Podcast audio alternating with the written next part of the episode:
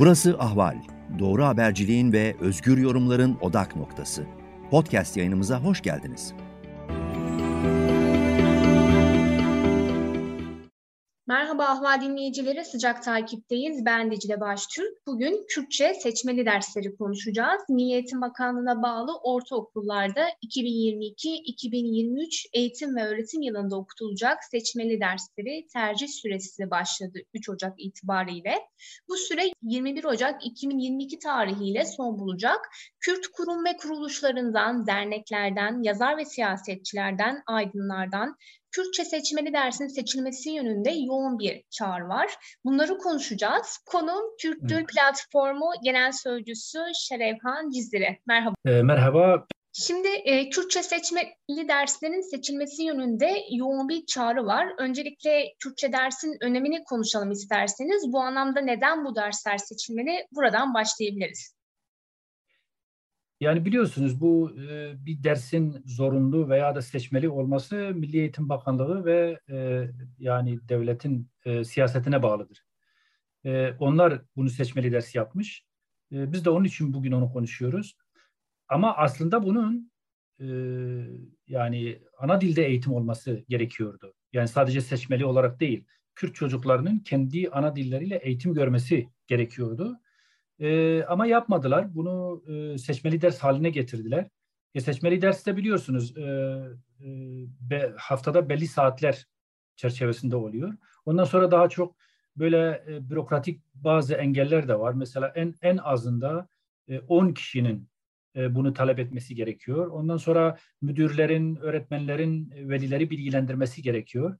E, bu konuda da bazı şeyler de var, bazı engeller var e, bu engelleri e, yani şöyle diyebiliriz yerel bürokratların çoğu bu engelleri hat safhaya vardırıyor. Yani istemiyorlar. Yani kısaca söylersem Nasıl engeller? Nasıl engeller çıkarılıyor? Yani mesela, mesela diyelim ki öğrencilerin, velilerin bu konudan haberdar olması gerekir. Bilgilerinin olması gerekiyor.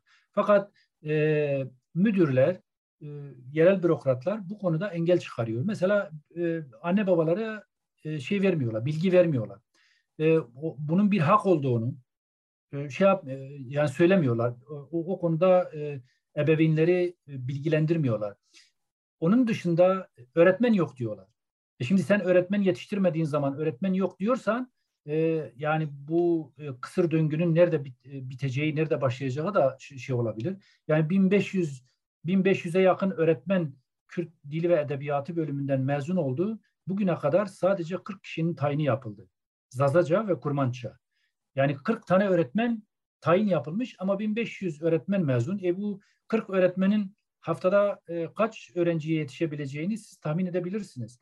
Yani bu konuda gerçekten devlet evet bu hakkı tanımış, Milli Eğitim Bakanlığı bu hakkı tanımış ama ne hikmetse e, engel çıkarılıyor. Bu engeller de tabii konjüktüreldir. Yani döneme bağlı olarak.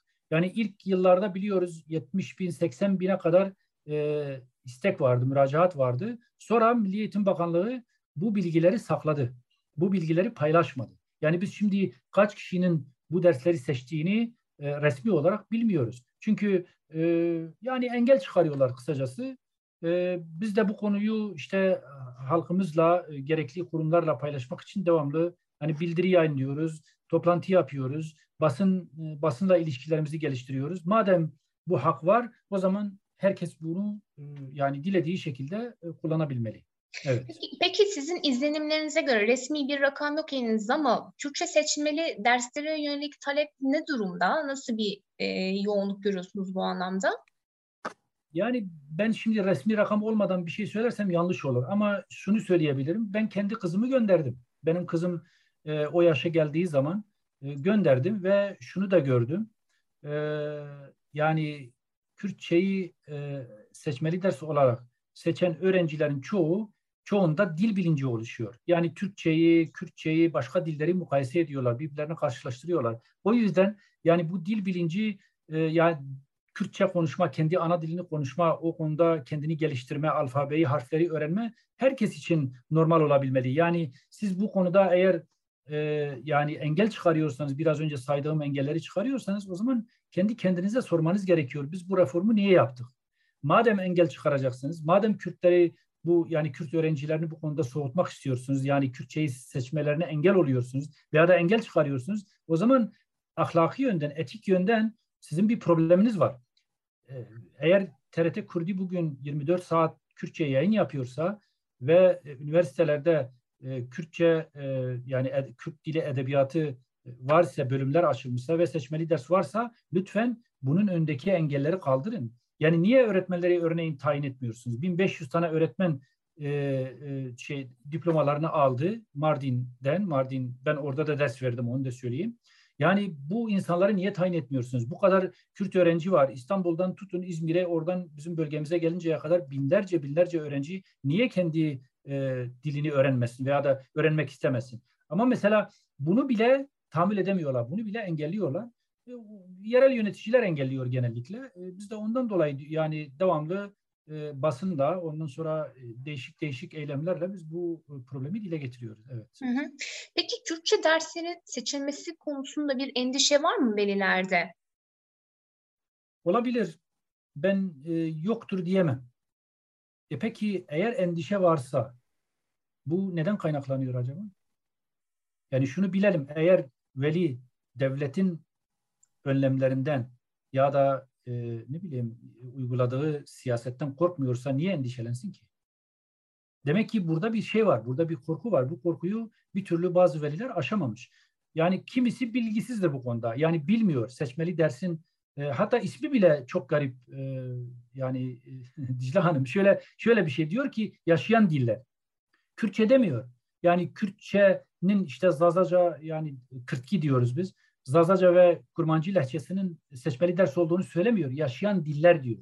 E şimdi e, ki normal yaşayan diller neyse artık bir veli ne kadar bunu e, algılayabiliyorsa, ne kadar doğru algılayabiliyorsa o şekilde hareket ediyor ve tabii endişeleri var, korkuları da var.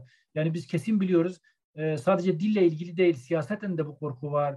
Başka alanlarda da var, ticarette de var, memur olan insanlarda da var devlet görevlerinde, medyada, değişik yerlerde e, görevli olan insanlarda bu var. Yani bugüne kadar bir sürü e, insanın başına bu benzeri şeyler geldi. En ufak bir şeyde hemen mimleniyor, fişleniyorlar ve ona göre de devlet davranıyor. Bence var ama bunun e, şeyini bilmiyorum. Yani sayısal olarak ne kadar var, kimi kimi hangileri bu endişeden dolayı seçmiyor Kürtçeyi diyebilmem için en azından elimde istatistik olması gerekiyor. Ama elimizde istatistik yok. Biliyorsun bugün e, Türkiye'de ne kadar Kürt yaşıyor o konuda bile istatistik yok. Kaç kişinin ana dili Kürtçedir ya da Kurmancı ve Zazacadır?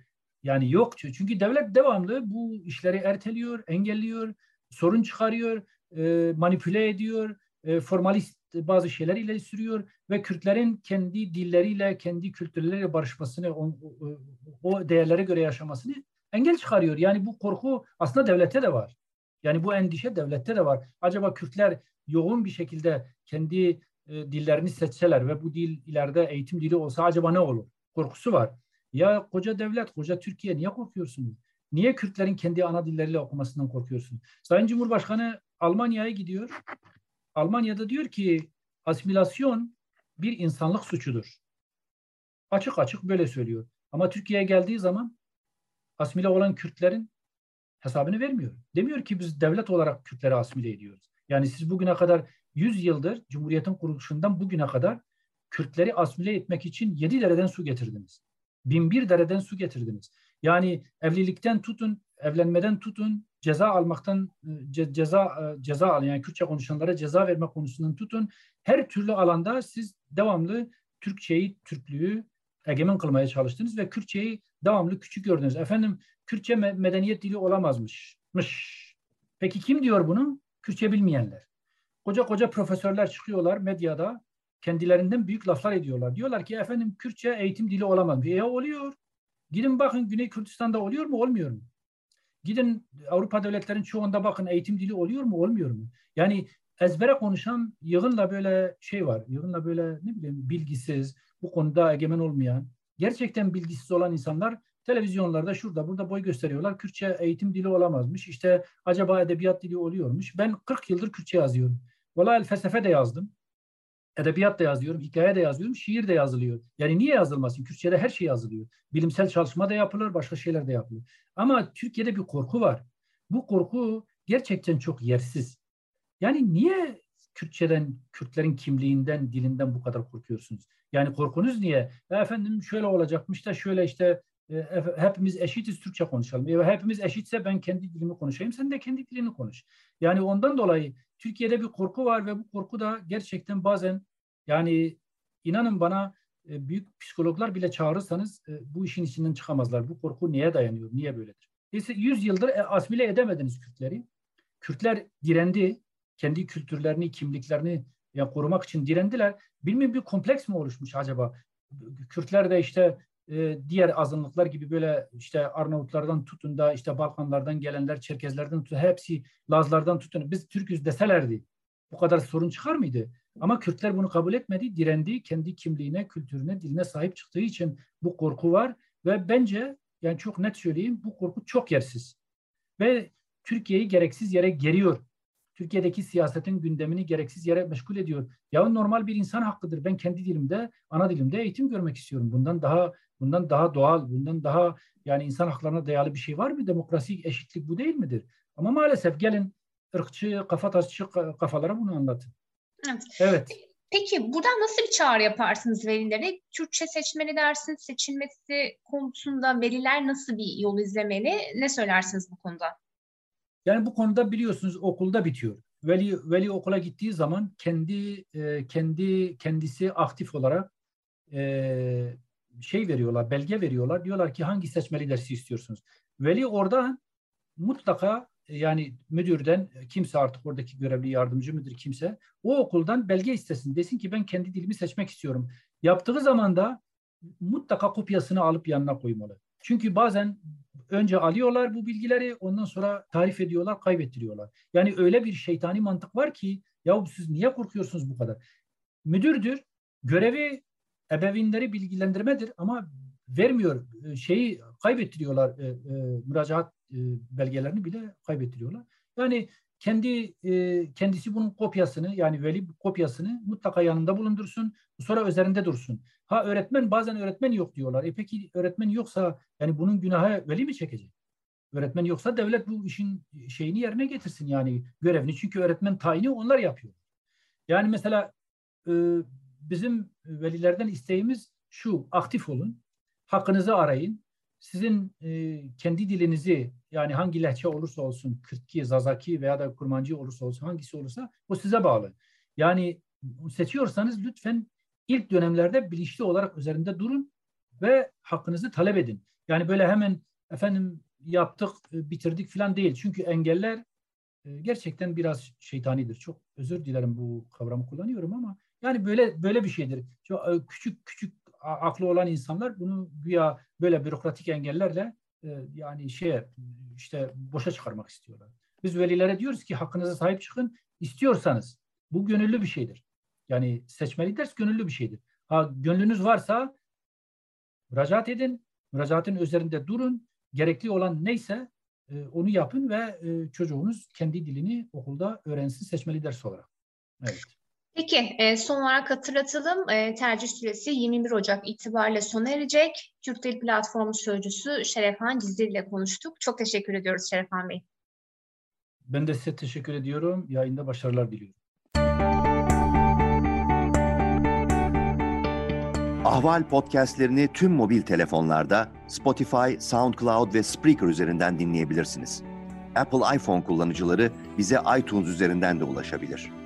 Türkiye'nin ve hayatın cıvıl cıvıl sesleri Ahval Podcast dizisinde. Kulağınız bizde olsun.